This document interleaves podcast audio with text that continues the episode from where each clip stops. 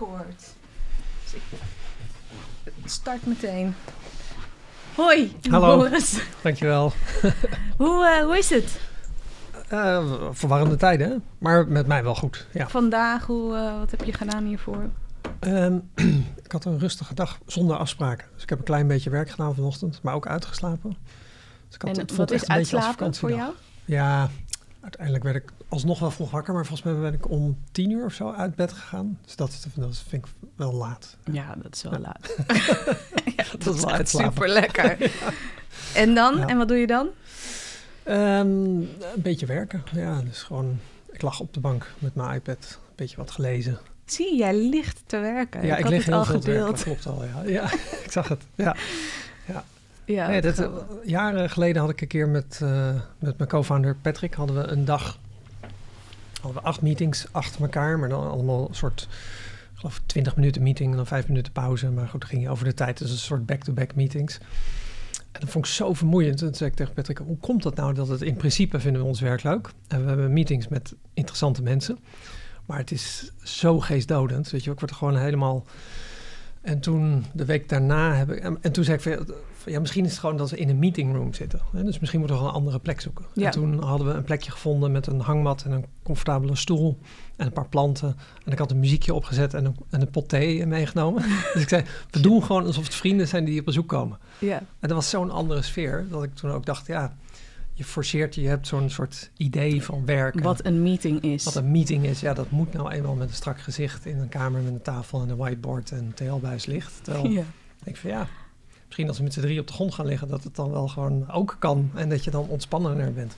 En, en eh, ik kan me voorstellen dat het dan op een gegeven moment een gimmick wordt of iets dergelijks bij bepaalde Ja. klanten. Is dat zo? Of merk je, ja, ik weet niet. Hoe zorg je ervoor dat het geen gimmick wordt? Nou, op het moment dat je het doet zonder erover nagedacht te hebben. Ja. Hè, dus als, als iemand nu denkt, oh, wij gaan ook liggende meetings doen. Dan denk ja, ja, ja wacht, wacht eventjes. Hè. Ja. Dus, eh, ik Dat, net zoals ons- dat in één keer alle, alle bedrijven ook eh, pingpongtafel Ja. of eh, voetbaltafel Ja, ja. gingen bestellen. Ja, inderdaad, want dan is de cultuur goed. Ja. Ja. Ja, dus zo werkt het ook weer niet. Maar goed, ik was bij ons niet, ik was niet, ja, ik ben dan niet bezorgd dat het een gimmick wordt. Nee. Nee. Oké. Nou ja, waar ik, ik heb echt een paar eh, vragen waar ik heel erg nieuwsgierig naar ben. Ja. Bij jou. Leuk. ik ging even nadenken. En vanochtend eh, kwam mijn zoontje in eh, bed van anderhalf of zo, niet eens. ehm, om drie uur en toen kon ik niet meer slapen. Toen ging ik alleen maar nadenken waar ik, wat ik Boris allemaal wil gaan vragen. Ja.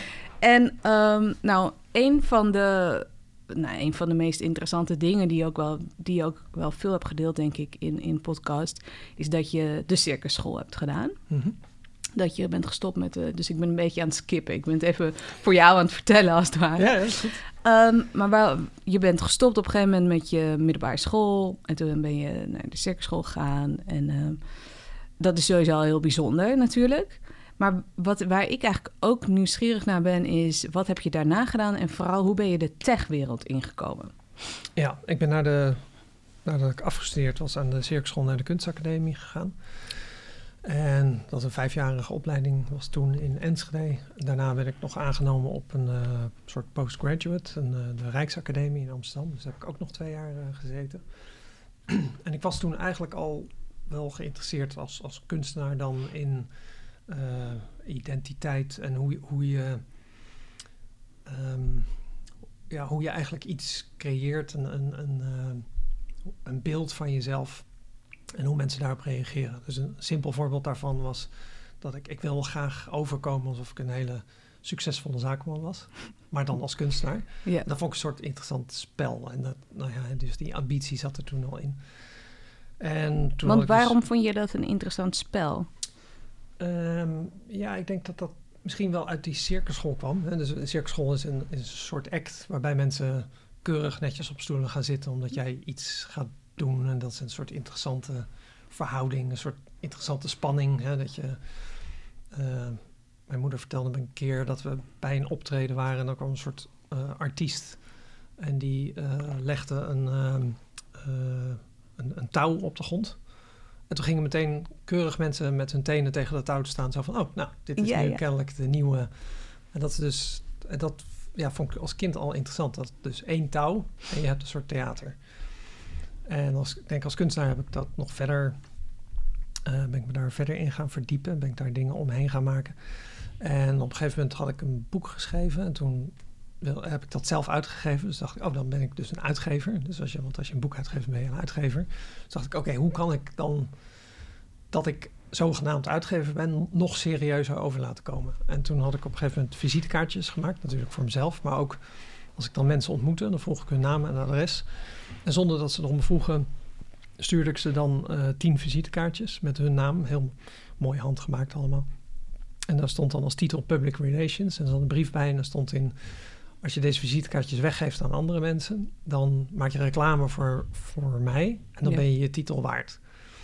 En zo had ik op een gegeven moment 150 mensen had ik die visitekaartjes gegeven. En als ik dan vreemde mensen sprak, dan zei ik, oh ja, ik ben directeur van de uitgeverij. En dan zei ze, oh, hoeveel mensen werken dan? Dan zei ik, nou, 140, 150 ongeveer. Dus wat natuurlijk onzin was, maar ook weer zonder dat ik... Ze werkte voor ze, je. Precies, ja. Dus zonder dat ik echt hoefde te liegen, impliceerde ik van alles waar mensen dan een soort verhaal bij bedacht. En, en eh, want um, deed je dat dan voor de reactie van die mensen? Uh, deed je het, was het ook een beetje status? Misschien past het ook bij de leeftijd? Ja. Wat, wat was het? Dat is moeilijk uit te leggen, zoals met alle kunst. Maar ik, ja, het, het ging mij denk ik om, om dat spel. Hè? Dus dat je, dat je de indruk kan wekken dat er heel veel is, zonder te liegen, maar door sommige dingen te impliceren. Dat vond ik spannend. Dus mijn afstuderen was bij uh, het hoofdkantoor kantoor van Twijnstra Gudde, een uh, soort consultancybedrijf in Amersfoort. Hadden we samen een persbericht gestuurd dat we gingen fuseren. een uitgeverij en die. Uh, en dan had ik de directievloer, mocht ik van ze lenen op een zaterdag om daar een soort open dag te geven. En daar hing, hingen dan allemaal werken van mij. Uh, ik had een soort mens erg je niet spel gemaakt, maar dan was als je eigenlijk alle, in plaats van te winnen, moest je zelfmoord plegen aan het eind van het spel. Dus alles leidde naar dat iemand dood zou gaan. Wat heerlijk conceptueel allemaal. Ja, dus het waren allemaal dingen die ik dan bedacht. En als je iets bedenkt in een vacuüm, ja, dan stelt het nog niet zoveel voor. Maar als het dan op zo'n open dag ergens in een aparte kamer dat het spel zogenaamd wordt ontwikkeld. En dat je je als kijker voorstelt, oh ja, er zijn hier mensen aan het werk, terwijl die waren er natuurlijk helemaal niet. Dat je langzaam begrijpt, oh wacht eens even, dit is eigenlijk nep. Maar wat is nep dan? Is het, wat is het? Nou, dat is allemaal interessant. En, in die zin dus eigenlijk ook helemaal niet zo heel anders van wat ik nu doe. Want een bedrijf creëren is heel veel impliceren, uh, hopen, voorspellen. En daarmee wordt het een soort self-fulfilling prophecy. Het zijn allemaal sociale constructies. Ja, eigenlijk wel, ja. ja. ja. En um, even kijken, nog één, één vraag daarover. Hoe reageer, wat voor cijfer kreeg je? Wat voor beoordeling kreeg je? Want het zijn geen cijfers natuurlijk, maar wel beoordelingen die je krijgt. Op de kunstacademie? Op de kunstacademie bij je ja, eindexamen. Ja, dat is een grappig verhaal, want ik ben... Je, je krijgt niet echt een beoordeling op de kunstacademie. Okay. Je studeert gewoon af of niet. Maar ik ben wel uh, cum laude afgestudeerd. En, dat, uh, en ook dat is een, was eigenlijk weer onderdeel van het, van het hele kunstwerk, van het afstuderen. Want het ging zo, uh, soort een half jaar voordat ik afstudeerde, zei een van mijn leraren, die zei van nou, het, is echt, het ziet er allemaal supergoed uit. Het is een soort cum laude afstudeerproject. En toen zei ik, hè, cum laude, kan dat? En toen zei hij, nou ja, dat weet ik niet. Ik zei, ja, wacht eens even. Kijk, als het kan, dan Ga je, je kunt me niet iets beloven nu en dat het niet doorgaat. En zei, nou ja, ik neem aan dat, aangezien ik jouw begeleider ben, dat ik dat kan bepalen. Dus als ik zeg dat het cum laude is, dan is het cum laude. toen zei ik, oké, afgesproken. En toen werd ik daarna gebeld door de directeur van de kunstacademie. En die zei, hey Boris, ik heb daarvan gehoord, maar dat is gewoon niet iets wat wij ondersteunen als academie. Dus het kan niet. En toen zei ik, ja, ik doe het gewoon toch. en uh, dat was een heel frustrerend gesprek voor hem. Het, of ook wel grappig, denk ik. Maar hij zei van, nee, nee, maar het, het kan niet. Dus ik sta het niet toe. Toen zei ik, ja, dat, ik ga het gewoon toch doen. Het is gewoon, uh, ja, dat is, sorry, maar ik ga het gewoon doen. Dus toen heb ik... Uh, uh, ik maakte zelf de eindexamencatalogus. Dus nou, dat was makkelijk, want dan kon ik het gewoon zelf erbij typen. ja, uh, wat slim. Ja, maar ook toen ik mijn diploma kreeg uiteindelijk... had ik een uh, mooi stempeltje laten maken met cum laude erop. en dat heb ik aan mijn begeleider gegeven. En die heeft Gestempeld. dat opgestempeld en zijn handtekening erbij gezet. En toen ging ik naar receptie en toen was de vrouw van de receptie... die nam mijn diploma aan en die zei... wauw, hey, cum laude, dat zijn er niet veel dit jaar... En ik wist niet veel. Nee, niet één. En in de geschiedenis van de kunstacademie ook nog nooit. En ook in de toekomst niet, want het bestaat helemaal niet. Dus, maar ook dat vond ik, ja, het- ik zeg nog steeds, ja, dan kom nou afgestudeerd. Ja, ja. Wat ook zo is, Ja, maar ook weer niet. Maar ja, wat maakt het uit? Het is één stempeltje van, ja. Het zijn twee het woorden. En eh, ja, dus eh, ook, ook dat vond ik eigenlijk, was een heel mooi onderdeel van het spel. Ja. Ik had in de eindexamencatalogus ook een verhaal geschreven alsof ik de directeur van de academie was. En in de, bij de prestatie van de eindexamens had de, de directeur, die dus eerst boos was dat ik dat cum laude had gekozen, maar die had heel mooi meegespeeld. Die zei ik en de andere directeur van de kunstacademie, Oh. Boris. eh, ja. heb je nog contact met hun? Nou, ik kom die Volgen ze directeur nog wel eens tegen. Ja, dat is. En eh, ook natuurlijk wel kennis en vrienden van de kunstacademie eh, overgehouden. Ja, Dus, maar goed, het is ook lang geleden natuurlijk. Hè? Ja, Ik ben tuurlijk. Heel oud. zo. Hoe oud ben je? En 49. 49. Ja, Super oud. zo oud. Maar je nadert de 50. Ja. Ja, dat wil ik Ja. even benadrukken, heel Ja, expliciet. Ja. Ja, ik nader de weekend. 40. Dat is ook een van de redenen waarom ik deze Melissa's Midlife podcast ben Ja. begonnen. Ja. Een soort van, oh, wat nu? Ja, ja. Heb Ja, je, dat- merk je dat dat dat nu weer, dat die, heb je wel zo'n vraag gehad toen je de 30 of de 40 en misschien nu de 50 nadert? Van, Ja hoor, maar altijd wel, ja. Ik vind het ook niet ongezond hoor, om eh, die, die zelfkritiek of zelfdoubt, wat, wat is het Nederlands woord daarvoor? hè, De onzekerheid, om dat een beetje te cultiveren en naar te luisteren. En eh, altijd eh, te twijfelen aan de besluiten die je neemt. Ik denk dat dat heel gezond is. En hoe doe je dat? Hoe doe je dat nu? Of, eh, is het nu een thema? Ehm, ja, maar evenveel als altijd, denk ik. Ja. Het is niet zo dat ik, omdat ik bij de 50 ben, nu opeens denk... oh, eh, ik moet alles anders doen, dat niet. Maar ik ben wel... Ik, vind sowieso... Ik vind dat gewoon interessant om over na te denken. En ik probeer wel... Ik heb niet... eh, eh, het is goede voornemens. Maar ik had wel in november of december of zo... dat ik dacht, ik wil wel volgend jaar iets meer rust. hè. Dus het was heel hectisch natuurlijk vorig jaar. Maar het jaar daarvoor eigenlijk ook. En eigenlijk als ik over nadenk... Ja, dat, een eigen Alle jaren daarvoor ja, ook. eigenlijk ook super hectisch. Ja. En een super simpel voorbeeld, maar ik merkte op een gegeven moment dat ik, eh, ik kook heel graag. Maar dat het ook altijd een soort stressvol is, omdat ik het efficiënt wil doen en gehaast en, en je wil tijd. En, en, en dat ik op een gegeven moment dacht, wat doe ik mezelf eigenlijk aan? Waarom, waarom ben ik eigenlijk altijd dat aan het haasten en super efficiënt en perfectionistisch? Ehm, hè, als ik dan een kilo aardappels zie die nog geschild moet worden, denk ik, shit, kan ik daar iemand anders voor vragen? Dat is veel werk. En toen op een gegeven moment dacht ik, ik ga dat eens proberen om te draaien. Dus kijken, oh, nou, hoe lang denk ik dat het kost om dit te koken? Nou, anderhalf uur. Oké, dan ga ik het, neem ik er drie uur voor. Ik ga gewoon de hele avond, zeg ik, sorry, we eten pas om negen uur, want ik ga heel op mijn gemak. Ja. En dan met heel veel plezier eh, twee kilo's aardappels schillen. En niet gefrustreerd zijn over dat het zo lang duurt, maar gewoon een soort kijken hoe, hoe rustig ik dat kan doen. Best Ja. wat meditatief. Meditatief Ja. aardappels schillen. Ja. Ja, ja. En dat vind ik leuk om over na te denken. En, en dat soort, ja, dat te realiseren. Hè? Dat je op een gegeven moment dat er, her- ja, eh, herkent bij jezelf of erkent. Is dat, Dat dat, recent? eh, Is dat recent dat je, dat je iets meer vertraagt, iets meer de tijd neemt? Ik denk het wel, ja. Ja, ja dat was een soort grappig moment dat ik eh, met mijn eh, personal trainer voor fitness, dat die, eh, we liepen, dit is al een tijdje geleden, maar we liepen van de een naar andere plek en zei heb je je telefoon bij je? En zei ik, nee, ik heb juist zo'n plezier aan dat uurtje trainen met jou, omdat dat een van de weinige momenten is in mijn leven dat ik mijn telefoon uitzet. Ja.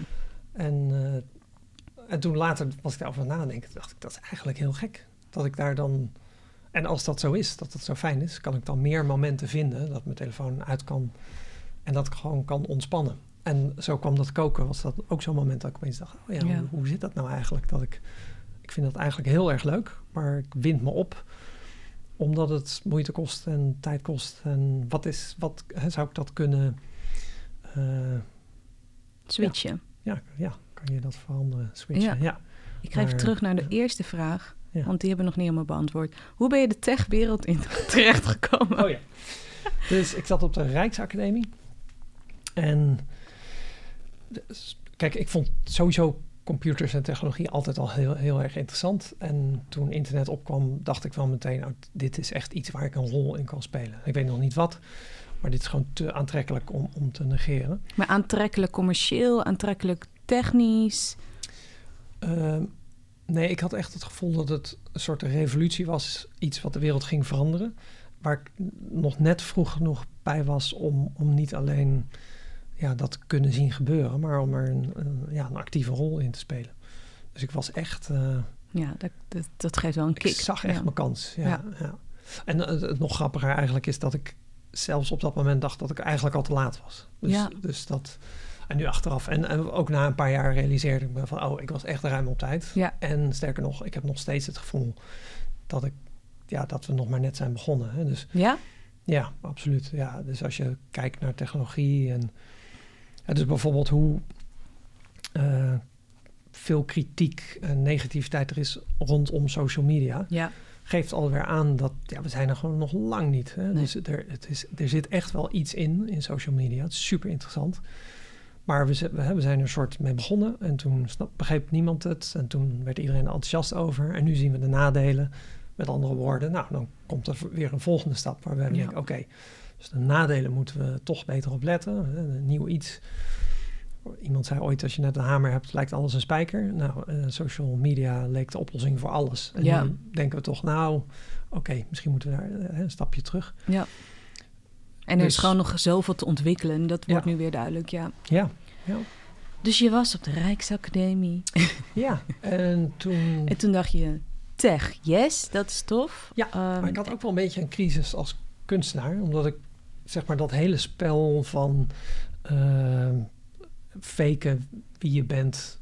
Ja, dat deed iedereen op internet. Op internet was identiteit eigenlijk helemaal niet belangrijk. Hè? De, deed er niet toe. Dus hè, mijn voorbeeld was als ik zei: Ik ben directeur van uitgeverij. Dan zei iemand anders: Oh, ik ben Mickey Mouse. En dan, ja, dus dat, daar was dat. Um, wat me in eerste instantie heel aantrekkelijk leek. Dat ik dacht: Oh, ik kan online eigenlijk hetzelfde doen, maar dan internationaal. kwam ik er snel achter: Oh nee, dat is eigenlijk helemaal niet zo heel interessant. En sterker nog, de, dit is een medium wat wordt vormgegeven door, door nerds. Uh, en daar is een kunstenaar, kan daar echt een, ja, een, een heeft daar een rol. Hè? Kan, ik heb toegevoegde waarde, ja. omdat ik anders denk dan zij. Ja. Uh, en, en, daar kwam bij dat ik denk ik altijd wel uh, ja, gevoel voor zaken had of voor commercieel, ja, commercieel denken. Ja. Ehm, ook al als uh, kunstenaar. Dus ik zag eigenlijk alles bij elkaar komen. Ik dacht, uh, ja, ik heb al vijf jaar uh, ben ik aan het leren programmeren en ben ik met computers bezig. Oh, dat was je, oh wauw. Ja. ja. Ja, ik had, dat is ook nog grappig. Dat scheelt had, veel natuurlijk. Ja, ja ik was op, in de brugklas, dus de, de eerste klas van, uh, niet de brugklas, de eerste klas van, het, uh, van de kunstacademie, wilde ik al heel graag met computers werken. En ze hadden er acht op kantoor, op uh, school. Ja. En um, maar die waren gereserveerd voor tweedejaars grafisch ontwerpstudenten. Het waren Macintosh Plus. Ja. Ik weet niet of je die nog kan herinneren. Ja. Dus hadden ze er acht van en dan moest je reserveren. En dan mocht je een uur op werken en dan moest je er weer af. En toen zei ik, mag ik daar ook op werken? Toen zei ze, nee, nee, absoluut niet. Alleen als je grafisch ontwerpen gaat doen. En alleen in het tweede jaar. Zeg maar, ik vind dat heel erg interessant. Toen kreeg ik echt ruzie met een van de leraren. En die zei, ik werk al... Uh, zei die, ik werk al 15 jaar met computers en daar is nog nooit iets creatiefs uitgekomen. Dat meen je. en dat stimuleerde mij alleen maar, maar meer. En ik had in de zomervakantie uh, op de parade gewerkt. En uh, dus ik had 1500 gulden gespaard. En toen vond ik uh, ergens in Nijmegen of zo een, een Macintosh, een Apple dealer. En die had een Macintosh Plus. En die kon ik voor 1250 euro gulden toen kopen. En dus dat was heel grappig ook om op school. Zeg maar, ik vond het niet zo heel gek. Maar op school ging echt het verhaal rond. Er is een student. En die mocht niet op de computers. En die heeft nu zijn eigen computer gekocht. Echt, dat was, een, dat, dat was echt, een, een, verhaal, verhaal, een ding. Ja, dat, ja, ja. Waar ik ook echt dus glazer mee kreeg. Omdat mensen zeiden van ja, je zit dat op de kunstacademie. Ja. Meen je niet? Ja, je, je, de computers is daar, uh, dat, is gewoon, uh, dat is gewoon onzin. Ja, ja tenzij je nu al weet dat je grafisch ontwerpen gaat doen. Dan uh, DTP'er wil worden. Dan, maar goed, dan nog mag het pas in het tweede jaar. Als je dat doet, ja, ja. Ongelooflijk. Ja. En dus je had jezelf vijf jaar leren programmeren. Um, Wat, wat is je eerste product geweest? Of wat is je eerste... Zo, of hoe Eh, ben je die techwereld ingekomen? Met wat? Met een product of met een... eh, Het eerste wat ik deed was succesvol. Ja, eigenlijk het eerste wat ik deed was een... eh, ik had een... eh, dus een, een, een inbelabonnement had je toen. Hè. Dat was eh 30 gulden per maand en dan kon je inbellen en dan mocht je online. En daar kreeg je... Ja, precies, Ik, weet niet of ik het goed ja. nadoe. Ja, ja, ik mis dat nog wel eens, dat geluidje. maar goed, eh, eh, daar kreeg je 10 megabyte bij om een homepage te maken. En onbeperkt verkeer, dat was de deal. Dus ik had dat abonnement eh, gekregen en ik was, had een homepage eh, gemaakt. En die had ik... Dit de- is mijn website of zo? Nee, ik had hem de Photo Delivery Page genoemd. Dus ik had een van de eerste digitale camera's. 640 bij 480 pixels. eh, dus dat is een, eh, een kwart MB eh, of zoiets. Ehm, of dus een kwart megapixel. Ja. En dan kon je acht foto's mee maken. Dan was die vol. En dan kon je hem op de computer kon je die foto's laden en editen. En eh, ik denk dat er toen Photoshop 1.0 was. Misschien net 2.0. Dus wat ik zei was, eh, stuur een verzoek in voor een foto waarvan je weet dat die niet bestaat en dan maak ik hem. En ik kreeg dus iedere dag dan eh, tien en, en uiteindelijk werden het heel veel. Maar Want verzoeken. mensen vonden jou online. Ja, ja, internet was heel klein. Hè? Dat was eh, 1996 denk ik. 97 misschien. Ja, 96. Eh, ja, die vonden mij. Ja. En eh, hele grappige. Dus er was een meisje die zei: eh, Ik wil een foto van een eenhoorn zien. En je kon, Google bestond nog niet. Je Ja. kon niet even zoeken naar images of zo. En er was ook geen fotolibrary waar je uit kon, kon putten. Dus dan stapte ik op de fiets en dan ging ik op zoek naar een paard. Maakte ik een foto van een paard. En dan maakte ik zo'n van een rolletje papier een eenhoorn. en die photoshopte ik aan elkaar en die, die zet ik dan online. En dat was revolutionair. nu Ja, zou je er niet over nadenken. Maar dat was echt in die tijd waren mensen echt van wauw. Maar ook van eh, ja, een soort breaking news events. Dan was er ergens iemand vermoord en dan zei ze... hey, heb je een foto van, van die aanslag? Zei ik, ja hoor. En dan ging ik eh, nou, Photoshop met... eh, uit oude kijk eh, tijdschriften een foto van een, een foto van een autocrash of zo. En dat, nou, die pagina werd eh, spectaculair populair. en verdiende je daar dan direct al geld? Nee, helemaal niet. Ik deed gewoon als een soort zomerproject voor, voor mijn eigen plezier. Maar die, eh, eh, dat werd zo populair dat die ISP op een gegeven moment zei... we gaan je account blokkeren, want je, je, je, je, Je gebruikt te veel van onze precies te veel van onze bandwidth. En toen zei ik, hè, ja, maar de deal was het 30 gulden en 10 MB en, en onbeperkt verkeer. En ze zei, ja, maar je betaalt ons 30 gulden, maar je veroorzaakt voor 2000 gulden per maand aan eh, bandwidth. dus ja, dit, dit kan gewoon niet. Ik zei, ja, dat was gewoon niet de deal. En toen ging ik daar weer een beetje over praten. En toen was er een ISP in Amsterdam. En die zei, waarom kom je niet naar ons? En dan krijg je een domein van ons. En dan eh, helpen we je ook een beetje met eh, programmeren en zo. En zo, ja, one thing led to another. Maar dat was wel, ik weet nog wel de, ja, de, de smaak van dat je iets maakt en dat heel veel mensen erop afkomen. Dat was wel, dat wakkerde wel een vlammetje aan waar ik heel, eh, ja, Heel blij van werd. ja, heel blij van dus werd. dat is Ja. de eerste keer dat je tractie, toch? Dat is Ja, echt zo'n tractiegevoel. Ja, ja, absoluut. Ja. Oh. Succes heette dat toen. gewoon, Oh, ja. ja. Succes op internet. Ja, precies. Mensen vinden mij leuk. Ja. En, ehm, of tenminste, Likes. ja. En ehm, was je wel bezig met nadenken over hoe het commercieel Ja. kon worden? Ja, hoe is het ik, commercieel eh, geworden? Nou, ik heb allerlei dingen eh, geprobeerd of aan meegewerkt. eh, mislukte experimenten. Ik heb meegewerkt, of ik had een heel design gemaakt. De hele site gebouwd voor een soort de eerste porno-site van de Oh, wereld. Ja. Want die ISP, daar was weer iemand anders en die zei... ja, dat is er gewoon niet. Ja. En dat kunnen we gewoon maken en dan verkopen we abonnementen. Ik zei, nou, ja, ik, ik kan wel een beetje webdesign. Dus als je wil, kan ik het wel bouwen. Dat Gestoord dat het er nog niet was. Nee, je, kon, je had dan Usenet en daar kon je natuurlijk wel porno vinden. Maar gewoon een commerciële site, dat, dat, eh, ja, dat, daar, daar zagen wij wel een eh, kans voor. Ja. Maar die hadden we helemaal, die heb ik helemaal afgemaakt. Hij was prachtig. Echt een hele, mo- hele mooie site. En er was nog, eh, ja, dus, hè, nogmaals, je had geen eh, online, kon je niet makkelijk iets vinden. Dus ik had gewoon een soort op de tweedehands markt VHS pornobanden gekocht. en die had ik dan met die digitale camera, kon ik gewoon beeldje voor beeldje hè, de, de foto's maken van Nee, dat dat, beeld. meen Ja. je. En dat was het jaar dat, dat eh, de GIF, dus het GIF-format werd uitgevonden. Dus dan kon je een GIFje maken. Wauw. Dus dan had ik een soort 16 plaatjes en die kleurde ik dan zelf in. Grote lullen en zo. Halleluja, Ja, ja. Boris, wat een Ja. werk. Ja, en, die, eh, en dan had ik een gifje van 16 plaatjes die animeerden. En dan leek het dan net twee levende mensen.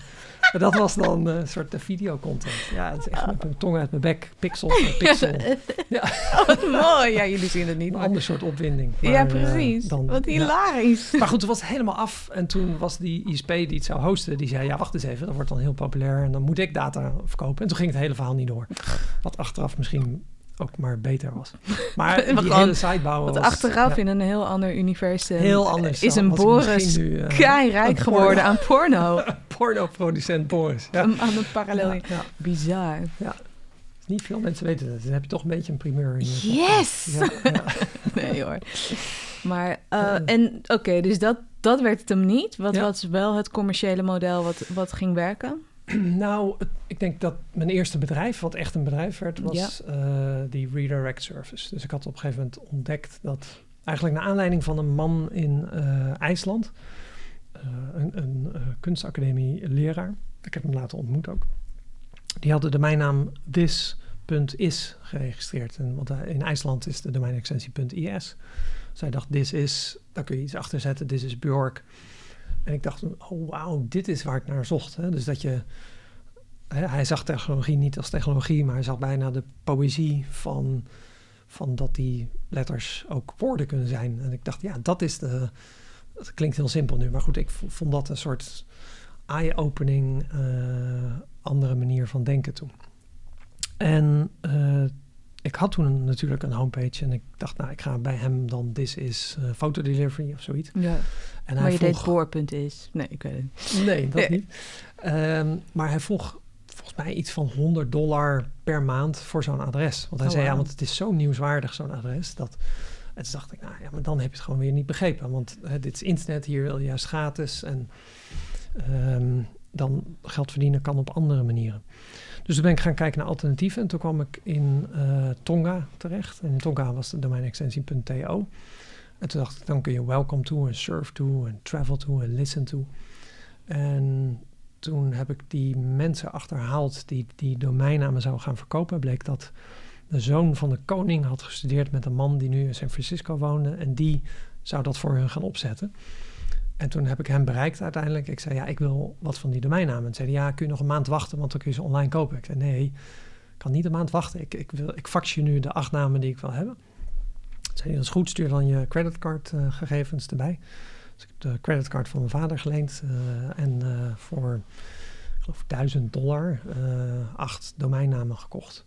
En toen, eh, in eerste instantie had ik dat zelf geprogrammeerd. Ben ik dus een redirect service begonnen.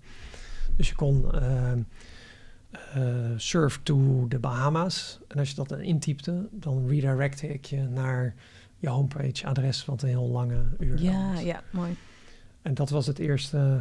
Dit is natuurlijk een superkorte versie van het verhaal, want dat was Ja, heeft lang geduurd. En, eh, maar, maar goed, dat was wel mijn eerste succesvol eh, bedrijf en ook commercieel eh, interessant. commercieel inter- hoe in, commercieel interessant was het? Nou, we hadden, ik geloof na een jaar hadden we een miljoen van die adressen weggegeven. Maar iedere keer als iemand dan zo'n adres intypte, lieten we een eh, pop-up, openen een nieuw window met een eh, banner erin. Dat, dat kon toen nog. Ehm, en gemiddeld kreeg iedere redirect, of iedere ja, korte URL, kreeg vier eh, bezoeken per dag. Dus dat was 4 miljoen bezoeken per dag. En dus 4 miljoen pop-ups met banners. En ja, je kreeg toen best goede bedragen per duizend eh, views. Dus dat was vrij snel, eh, begon dat wel geld te genereren. En uiteindelijk, een beetje skip eh, naar het einde. ehm, vrij snel kwamen er bedrijven die zeiden, we willen jullie wel overnemen. Ehm, World Online onder andere. Dus ik heb nog... nou ja, dat, dat is gelukkig niet doorgegaan.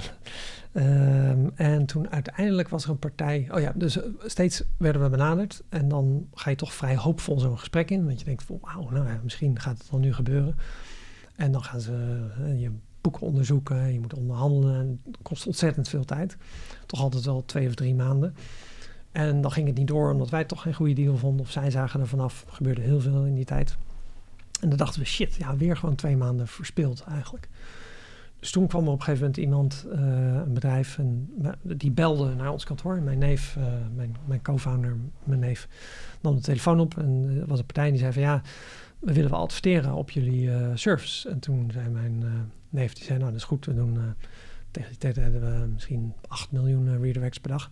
Hoeveel wil je daar hebben? En ze hé, maar hoe, hoe, kan het dat je, jullie zoveel traffic hebben? Dus toen legde hij het hele model uit en zei hij, oh, oh, nou misschien moeten we jullie dan maar kopen.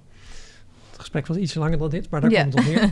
uh, en toen zei mijn neef, en hij, dat was wel echt, zo kort was het. Hij zei, ik wil best praten, maar uh, maximaal twee weekenden en alleen maar in het weekend. Want anders duurt het gewoon, het leidt gewoon zo af. We willen gewoon onze business groeien. En toen zei zij, uh, dat is goed, maar vinden jullie het dan goed om te, dat we jullie een ticket sturen en een hotelovernachting voor jullie boeken in Monaco? Want daar zit ons nee, grootste dat doen we niet. Ja, dus wij, echt zo, ja, dat is goed. hoe, oud was je, hoe oud was je toen? Ik denk 28, zoiets. Oh ja. Ja. Fijne leeftijd om dat soort dingen dan... Ja, uh... ja heel bizar. Ja. Echt heel, heel bijzonder om mee te maken natuurlijk. Dus wij met het vliegtuig daar naartoe, uh, met een advocaat uh, erbij. Dat was ook nog heel grappig, want die advocaat was weer de man van een nicht van me. En de avond van tevoren waren we een soort aan het drinken. En hij werd steeds dronkener. En op een gegeven moment zei ik tegen De hem, advocaat? Ja, de advocaat. Op een gegeven moment, en ik begon me een beetje zorgen te maken. Want ik dacht, ja, jezus, Dude, morgen ja. onderhandelingen van, uh, of een lifetime, weet je wel. En uh, die kerel, die uh, gaat er echt voor. Dus toen zei ik, hey, moet, moeten we niet een beetje... Zei, nee, nee, nee, nee, met een dubbele tong. Zei hij, nee, nee, nee, want jij bent de verkopende partij. En dan is het beste wat je kan doen, is gewoon echt een goede kater hebben. Want dan zit je daar namelijk gewoon een beetje zagrijnig aan de tafel. En als ze dan zeggen, nou, we bieden dit, dan doe je een beetje zo... Uh, en dan kijk je een beetje vermoeid en dan wrijf je een beetje over je voorhoofd. En dan zeg je, ah, dat vind ik niet zo'n goede deal. En dat is een beetje de sfeer die we moeten uitstralen. Ah.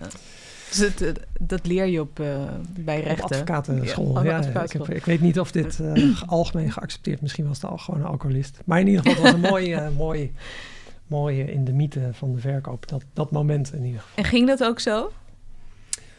Een beetje wel, ja. ja. Dus wij waren wat terughoudend en probeerden zo arrogant mogelijk en zelfverzekerd mogelijk te zijn. Zo van ja, eigenlijk willen we helemaal niet verkopen. Maar zij maakte het heel aantrekkelijk. Ze zei: ja, kijk, we betalen jullie in aandelen, maar dan op een prijs van. Um, nou ja, bepaalde, met een bepaalde formule die heel aantrekkelijk was. En daar weer een korting op. En ze zou een maand later naar de beurs gaan. En dat was het eerste internetaandeel aan de Neuer-markt. En we zagen al in Amerika hoe, hoe, ja, hoe die rallies gingen van ja. IPO's. Dus wij dachten, ja, Want dat dit wordt is rond gek. 1999 Ja, of zo. 99, ja. En, en zo ging het ook. Dus we kregen die aandelen uh, op 19,80 euro. Ik weet uh, de koers nog. 19 gulden 80, ja. Ja, 19. ja. En die verdubbelde, geloof ik, in de eerste week naar 42 of 44, zoiets. Dus was gewoon echt twee keer zo rijk. En mijn, uh, we verkochten het hele bedrijf voor omgerekend 21 miljoen gulden. In, uh, Halleluja. Ja, en daar had ik een derde van. Dus 7 miljoen. Wat bizar. Ja, Toen was je opeens miljonair. Dan, ja, ja. ja, nee, en dat is dus ook het bizarre. Dus er was een moment dat ik mijn ouders kon bellen en zeggen... hé, hey, uh, ik heb net mijn bedrijf verkocht voor, nou ja, voor 21 miljoen en een derde is voor mij. En dat was natuurlijk echt helemaal te gek, omdat mijn ouders omdat ik vermoed dat mijn ouders op het moment dat ik zei... ik ga naar de circusschool, naar de kunstacademie... dat zij dachten, oké, ja. Dus wij gaan de rest van ons leven voor jou zorgen. ja. En dan kunnen bellen en zeggen... ja, ik heb mijn jaren verstopt achter een computer... maar it paid off. It dat, paid wel, dat is mooi. Maar dat is, hoe is dat? Want weet je wel, niet veel mensen weten hoe dat is om miljonair te worden.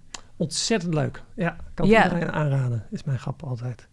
Ehm, ja, dat is ontzettend leuk. Het is heel, heel goed voor je zelfvertrouwen. En het is, het is ontzettend lekker om in ieder geval één jaar je niet zorgen te maken over geld. Om te Ja, heb je in is. één jaar die 21 er doorheen dus dat is het verhaal. Dus ik heb, eh, we kregen dat en daarna ging het naar 42, 44. Maar vrij snel begon het weer te, Ja, ja. te dalen. En wij konden onze aandelen niet speciaal verkopen. Mm. Dus ik heb dat helemaal zien zakken van 42 eh, gulden naar 6 eh, cent. En toen was er dus van al mijn geld niks meer over. Dus Echt? dat was twee jaar later, was ik eigenlijk gewoon weer een arme... Oké. Ja. Kunstenaar. Eigenlijk wel, ja. ja. Ja, dus dat was weer wat uh, Maar heb je in dat jaar uh, een soort van Sodom en Gomorra idioot veel uitgaves gedaan? Of kon dat? Was ja het liquide? Nee. Ja, nee, dus het, het zat zo.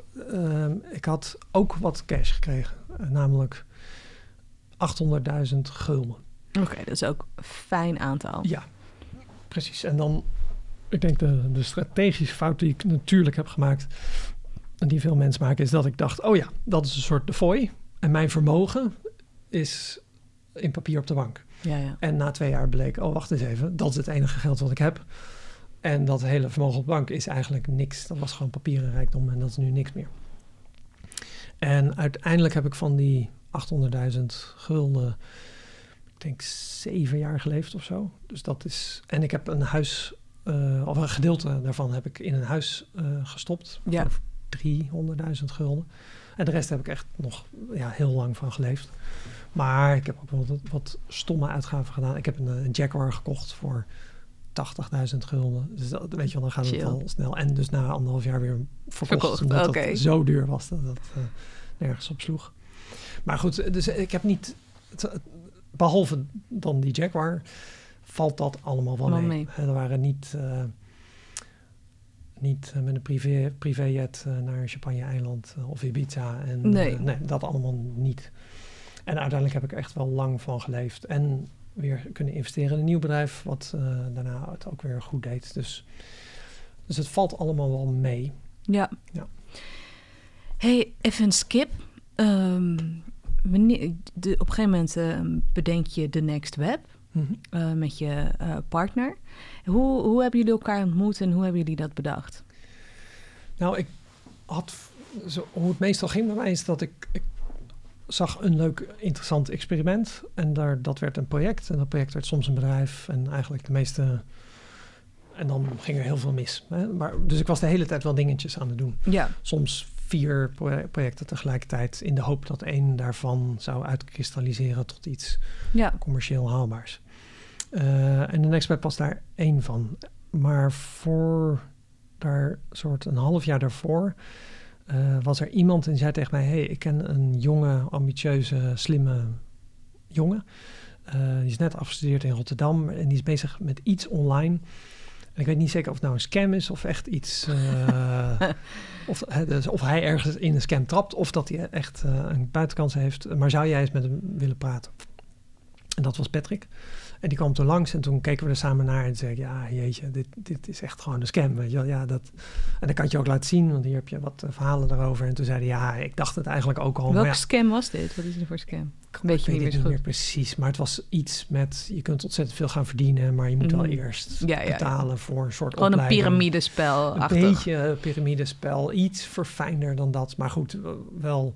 En misschien was het niet eens oplichting, maar een beetje zoiets als een uh, get rich quick boek kopen. Weet je wel, ja, het is niet speciaal oplichting, maar ja, ik ga het ook niet mensen adviseren, weet je wel. Want nee. je weet gewoon, ja, dat kleine je kans beter bewaren. Ja. ja. En, um, maar daar, werd, werd ver, daar waren we vrij snel over uit. En verder werd het een leuk gesprek, want ja, goh, wat doe je allemaal? Toen noemde ik een paar dingen. En een van die projecten ging best goed.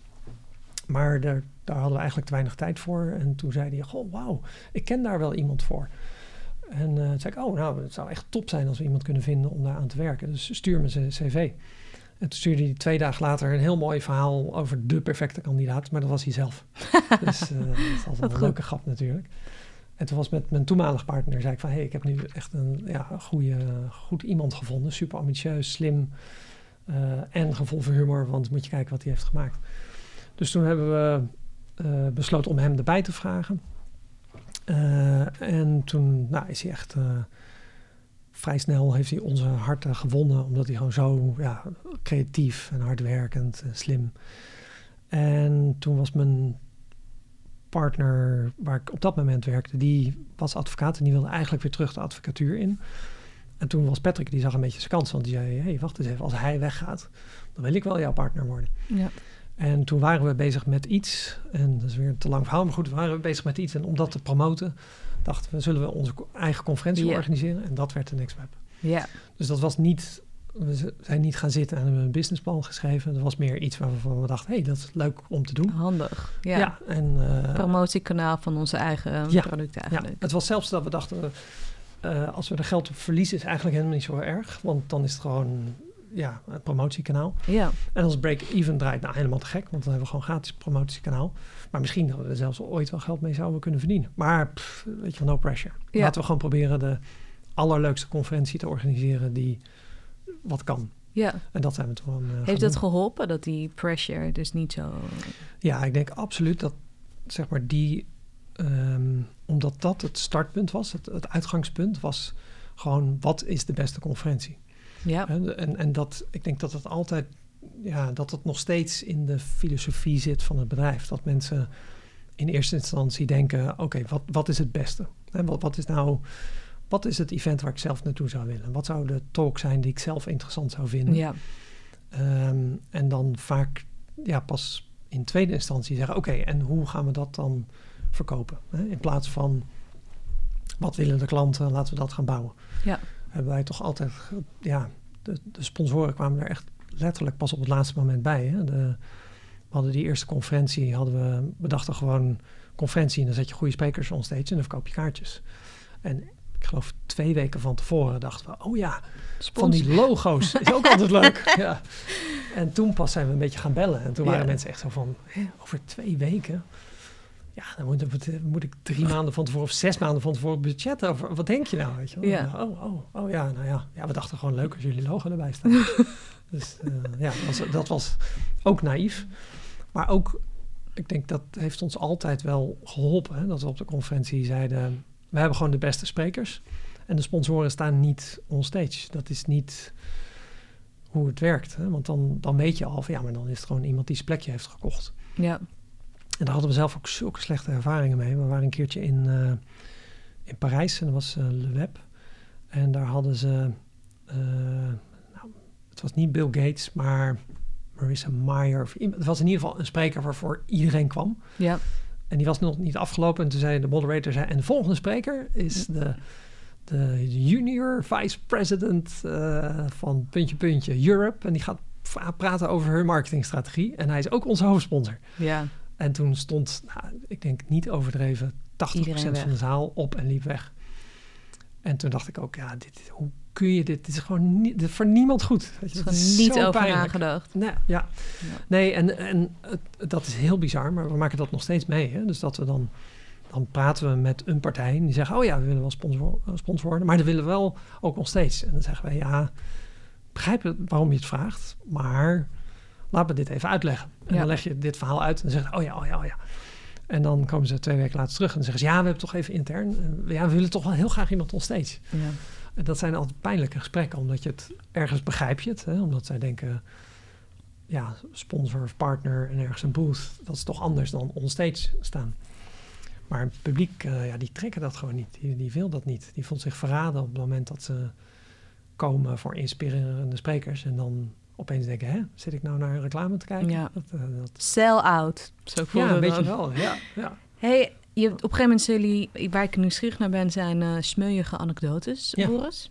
Eh, je, jullie zijn ehm, ook in New York. Ik dacht misschien is hij in New York. Ik ben gewoon nieuwsgierig naar dat je ook gewoon een conferentie in New York start überhaupt. Vind ik eigenlijk echt al zo tof. ja, vonden wij ook hoor. Ja, ja. en hoe anders is daar of heb je en en of heb je een smeuïge anekdote? Ja, enorm smerig. ja, over New York, jezus. Ja, New York is... ehm, dus mensen hebben het natuurlijk over cultuurverschillen. En dat klinkt altijd als iets heel softs. En dat je denkt, nou ja, oké, ja, dan moet je daar even mee werken. Even wat anders, ja. Maar daar merkten we echt van, oh wauw, ja, dit is dus wat mensen bedoelen met cultuurverschil.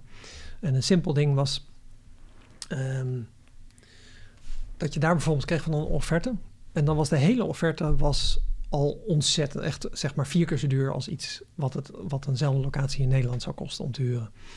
En dan waren we dat een beetje aan het doorspitten. En wat je normaal doet, is dat je gaat er terug en zegt van... Hey, het bedrag vind ik een beetje groot, kunnen we niet 25% korting als we vaker komen? Weet je wel, zo doe je dat. Ja, Maar goed, ik heb natuurlijk goede mensen in dienst. En die gingen gewoon die hele offerte punt voor punt helemaal uitzoeken. En op een gegeven moment kwamen ze en dan zeiden ze... Hé, ja, de carpet cleaning is gewoon 50 keer zo duur als het zou moeten zijn. Hoe kan dat nou?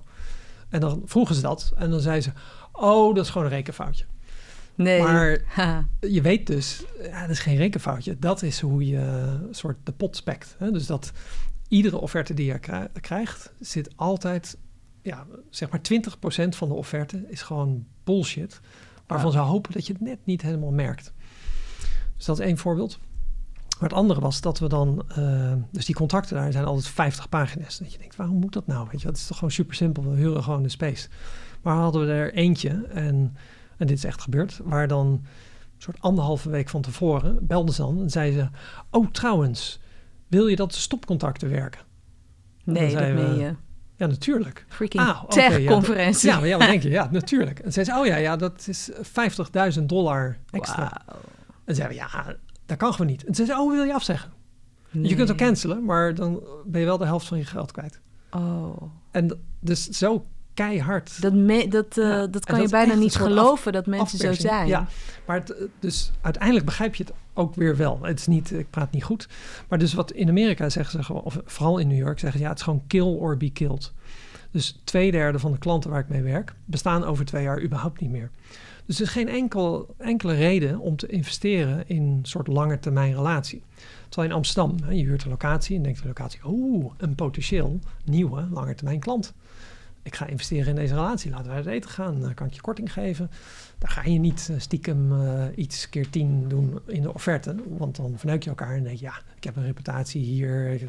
Ja, maar naast de klant, reputatie, Boris, denk ik toch ook dat je gewoon denkt... ik verneuk hun nu. Ik bedoel, dat zou, Ja. het zou niet eens een optie zijn of zo. Gewoon Ja, puur dus en alleen... In New York denken ze, ja, kijk, als ik, als ik het niet doe, dan doe ik mijn concurrent het. Ja, ja. En Wauw. deze partij bestaat toch niet meer volgend jaar. Ongelooflijk. Ik Dus vind het echt gewoon, eh, bizar. het is kill or be killed. Ja, dus je en waarom wilden, jullie, waarom jullie daar dan die conferenties doen? Ja, omdat het toch iets magisch is. Ja. New York was eh, ehm, in Amerika de eerste stad qua publiek. Dus we hadden meer lezers in New York dan in San Francisco. En het is net zes uur tijdsverschil. Het is net iets makkelijker te bereiken. We hadden een paar grote klanten daar die zeiden... nou, wij doen mee als je het hier doet. En we dachten, eh, hoe moeilijk kan het zijn? Ja, je huurt een locatie en, eh, en dat is het dan. Maar dan op een gegeven moment bleek al, ja, maar als je over een bepaald hoeveelheid mensen bent, eh, dan moet je een soort, moet je de politie betalen om, om eh, toezicht te houden. ja. Maar ook een soort security en dan moet je een antiterrorisme eh, verzekering. Ehm, je mag wel alcohol schenken, maar dan moet je het afnemen vanaf van één partij, want die hebben een soort het monopolie. En dan komt het erop neer dat je, dat je, als, dat je inkoop op een biertje is dan 15 dollar of zo. Dus, dus onze events waren alcoholvrij. En dat presenteerden we als... De alcohol is eigenlijk slecht voor je, healthy. Dus we hebben vegetarian, we hebben virgin cocktails. En, Ginger shots ja, of zo. Ja, dat soort dingen, ja. Wauw. Dus eh, ja, het is bizar allemaal, ja. Bizar. En we hebben het ook maar drie jaar gedaan. Hè? En na drie jaar ze- zei dat eventsteam, die zei... eh, we hebben echt twee keer zoveel stress van dat event in New York. Wat wel goed is voor onze naam, maar uiteindelijk altijd ja, nauwelijks winst draait. Ja. En als we diezelfde effort in eh, Amsterdam steken, ja, dan kunnen we daar eh, ontzettend veel groter worden. ja. Dus, en dat deed best pijn, want we, ja, het, heeft natuurlijk ook iets. eh, het was gewoon heel bijzonder om in New York 's ochtends in een taxi te stappen naar je eigen Ja, conferentie in New York. ja. Ja. dat was echt wel. Maar dat heb je trots. ervaren, Boris. Dat heb Ja, je, die kan je ja. in je zak steken. Ja, ja. Sao Paulo trouwens ook zoiets. Hè? Dat is ook. ja, over cultuurverschillen, ook dat soort verhalen. Ja. Ja, nou ja, ja, we, we- zo lang hebben we jammer genoeg. Nee, En ehm, want jullie zijn gekocht, als ik het goed zeg, door Financial Times. ze hebben een meerderheidsaandeel. Een meerderheidsaandeel. Ja, Betekent dat dat je eigenlijk klaar bent? Dat je voor, de, voor je plezier werkt? Of... Nee hoor, nee. Dus we, s- hoe ik het meestal uitlegde was... Ik had aandeelhouders. En die hadden een... eh, eh, ja, een kwart of zoiets van de aandeelhouder. Ik weet niet eens meer. En eigenlijk zijn die uitgekocht door de FT. En die hebben ook nog wat erbij gekocht. Ja. Dus we hebben een nieuwe aandeelhouder die... eh, oude aandeelhouders hadden we ook veel aan, maar goed, het was niet de FT. Hè. De FT is natuurlijk nog eh, eh, ja, invloedrijker en dat is echt een geweldige partner om te hebben. Ehm, en de deal was, we gaan samen de komende jaren werken om gewoon nog veel groter en nog internationaler te worden. Met onze goede brand, maar ook hun ervaring. Dus nee, niet, niet klaar. Nee, het was niet in die zin een exit met geef jouw bedrijf maar aan ons en dan mag jij wat anders gaan doen. Nee. Het was niet. Het was meer een partnership dan een Ja. eh, exit. Ja. En de, ik stel de vraag ook wel omdat ik gewoon me afvraag van... Hè, wat zou Boris nu doen als eventjes de Next Web gewoon... die realiteit helemaal niet zou bestaan? Ja, ja. Nou, daar heb ik wel over nagedacht. Dus wat ik, waar ik wel eens naar uitzie, is, is eh, een tijdje niet de verantwoordelijkheid. Hè? Dus ehm, zeg maar de directeur of de CEO, eh, klinkt lekker, maar goed, eh, de directeur. Vind je dat vervelend om te zeggen, CEO? Nee, maar ja, het is niet. Ja, directeur klinkt weer anders. Hè? Meestal zeg ik CEO, maar dat is Ja. ook gewoon omdat we een internationaal bedrijf zijn. Ja. Maar daarom twijfel ik dan even, omdat ik denk van ja, ga ik nou CEO zeggen? oké, Want ja. het is eigenlijk directeur of baas, moet je baas zeggen. Ik weet Je bent niet. gewoon als baas van de Next Web. Ja. Ja. denk ik, eh, is de verantwoordelijkheid eh, voor alles altijd dragen zwaar. En dat merk ik wel eens. En ik had het er pas over, over vakantie bijvoorbeeld. Hè, dat ik, dat ik, ehm, ik, of ik vertelde aan iemand, ik zei, ik ben eigenlijk ontspannender als ik een week ziek ben dan als ik een week op vakantie ben.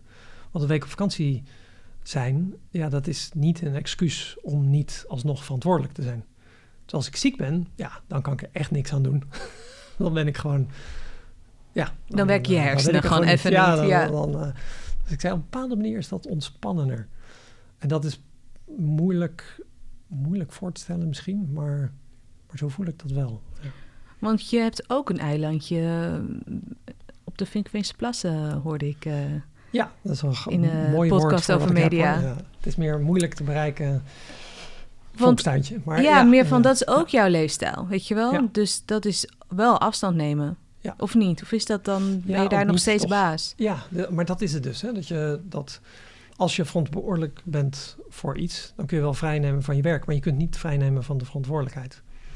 En dat, ook al is het een super zelfvoorziend bedrijf en loopt het echt prima door als ik er een week niet ben, is het toch in de back of my mind, denk ik, ja, maar uiteindelijk is het toch mijn verantwoordelijkheid. En als er ergens iets misgaat en ik moet het daarna oplossen, ben ik toch degene die het moet oplossen. En is het ook dat je En gewoon in je het niet hoofd... moet oplossen of kan oplossen, is het nog steeds mijn verantwoordelijkheid. Ja. Maar werkt het dan ook zo dat, het, dat je denkt... oh, hoe zit het daarmee, hoe zit het daarmee, hoe zit het met die? Hoe zit het... Of, of, Of is het meer reactief? ja, het is eh, soms wel. Hè. Soms ben ik eh, heel, heel... Ze zijn bijvoorbeeld dagen dat ik... eh, oh ja, dat was een, een, een half jaar geleden of zo kwam ik thuis en toen... Ik was moe en, en mijn vriendin zei, gaat het? Ik zei, ja, ik had een... ze zei, had je veel te doen? Ik zei, nou ja, ik, ik had één telefoontje. en toen zei ze, hoe lang duurde dat telefoontje? en toen zei ik, nou, twaalf minuten. En, eh, zei ze, en daar ben je moe van? Ik zei, ja, maar ja, het was eh, nogal een essentieel telefoontje. En ik heb er vier dagen voorbereid, dat telefoontje. Vier dagen gepraat met mensen. En dat betekent niet dat ik vier dagen, twaalf uur per dag heb gepraat met mensen. Nee, de eerste dag heb ik twee keer een uur met twee verschillende mensen gepraat. En daarna heb ik nagedacht. En de volgende dag heb ik alleen maar nagedacht. En de dag daarna heb ik met drie andere mensen gepraat. En toen weer nog terug met die één. En de ochtend zelf heb ik niks gedaan behalve nadenken over het gesprek. En in die twaalf minuten bleek dat al mijn voorbereiding eigenlijk voor niks was. En was ik eigenlijk heel snel, kwam ik tot de deal en was het allemaal weer oké. Maar, maar goed. En dat is dus, ja, vind ik Toen was je moeilijk uit te De- leggen. hè, toen kwam er een Ja, soort van release. Ja, moest ik echt naar huis Ja. en een schoon t-shirt aan. En, en merkte ik van, oh, ik ben echt, ik ben echt eh, moe nu. Hè. Ik ben gewoon... eh, Even kapot, ja. ja. omdat ik het soort toegewerkt heb naar iets dat ik me voorbereid had op alles. En, en toen viel het mee, dat, wat dan fijn was. Maar, maar goed, ik zeg, probeer het waar ik eigenlijk naartoe wil, is dat ehm, als, als mensen dan zeggen, ben je druk? Vind ik dan heel moeilijk om te beantwoorden. Omdat ik Ja. denk, druk? Nee.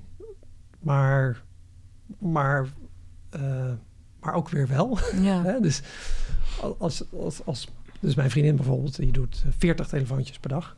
Ja, ja. Of zoiets, ik weet niet, of 20. Maar in ieder geval ontzettend veel telefoontjes per dag. Dus die denkt, een telefoontje van 12 minuten, waar heb je het over? Eh, Dus, maar goed, Eh, ja, dat, dat, dat, eh, die mentale voorbereiding en de verantwoordelijkheid is, uh, dat, dat gaat gewoon altijd door. Ja. Ja. Ook als er niet speciaal een, een crisis is waar ik me mee moet bemoeien. Ehm, hè, dus bijvoorbeeld als ik in Vinkenveen ben. Het grappige is als ik in Vinkenveen ben en ik heb me voorgenomen om een soort een dagje vrij te nemen. Dan merk ik gewoon dat ik pas rond een uur of vijf, half zes begin te ontspannen. Wauw. Dus ik ben er wel, maar ik ben gewoon toch de hele tijd een soort met één oor aan het luisteren. Is er niet een bericht? Gaat mijn telefoon niet over? Is er iets opeens wat opkomt waar ik toch mee moet dealen? Of, of komt er niks op, maar vergeet ik iets? Of hè, dat is de. Uh, ja, dat hoort erbij. En het, het dubbele is dat. Ja, ik heb niks om over te klagen natuurlijk. Hè, want. Uh, uh, zo'n dag als vandaag, jij bent mijn enige afspraak vandaag. Ja. Dus dan zou je denken... Ik voel me nou, vereerd. Ik voel me vereerd worden. dan zou je denken, je hebt echt niks te klagen. Maar goed, ik ben natuurlijk, uh, ja, ik weet dat maandag en dinsdag heb ik veel te doen. En daar ben ik eigenlijk wel over aan het nadenken. Dat zijn belangrijke dingen. Maar als ik er niet goed voorbereid daar verschijn, dan is het niet goed. Ja. En dat merk ik dan niet meteen, maar misschien pas over drie maanden of over een jaar. Ja. Wel? Dus, dat, uh, dus jij zou ook wel die verantwoordelijkheid wat minder willen voelen? En, Dus- en wat zou je dan doen? Het is niet speciaal dat ik, ik probeer het niet op een manier te zeggen dat ik klaag. Hè? Want ik heb Nee, nee. natuurlijk een hele bevoorrechte Nee. positie. Dat nemen we helemaal aan. Ja, jongens. dat is. eh, ja. Maar dat is. eh, Maar het is ook toch ook stelt- verandering is een soort van, weet je, een constant in ons leven. Dus ook Ja. in jouw leven zal er ooit weer iets veranderen. Ja, nee, dus daar, daar had ik een, een tijdje geleden met een vriend over.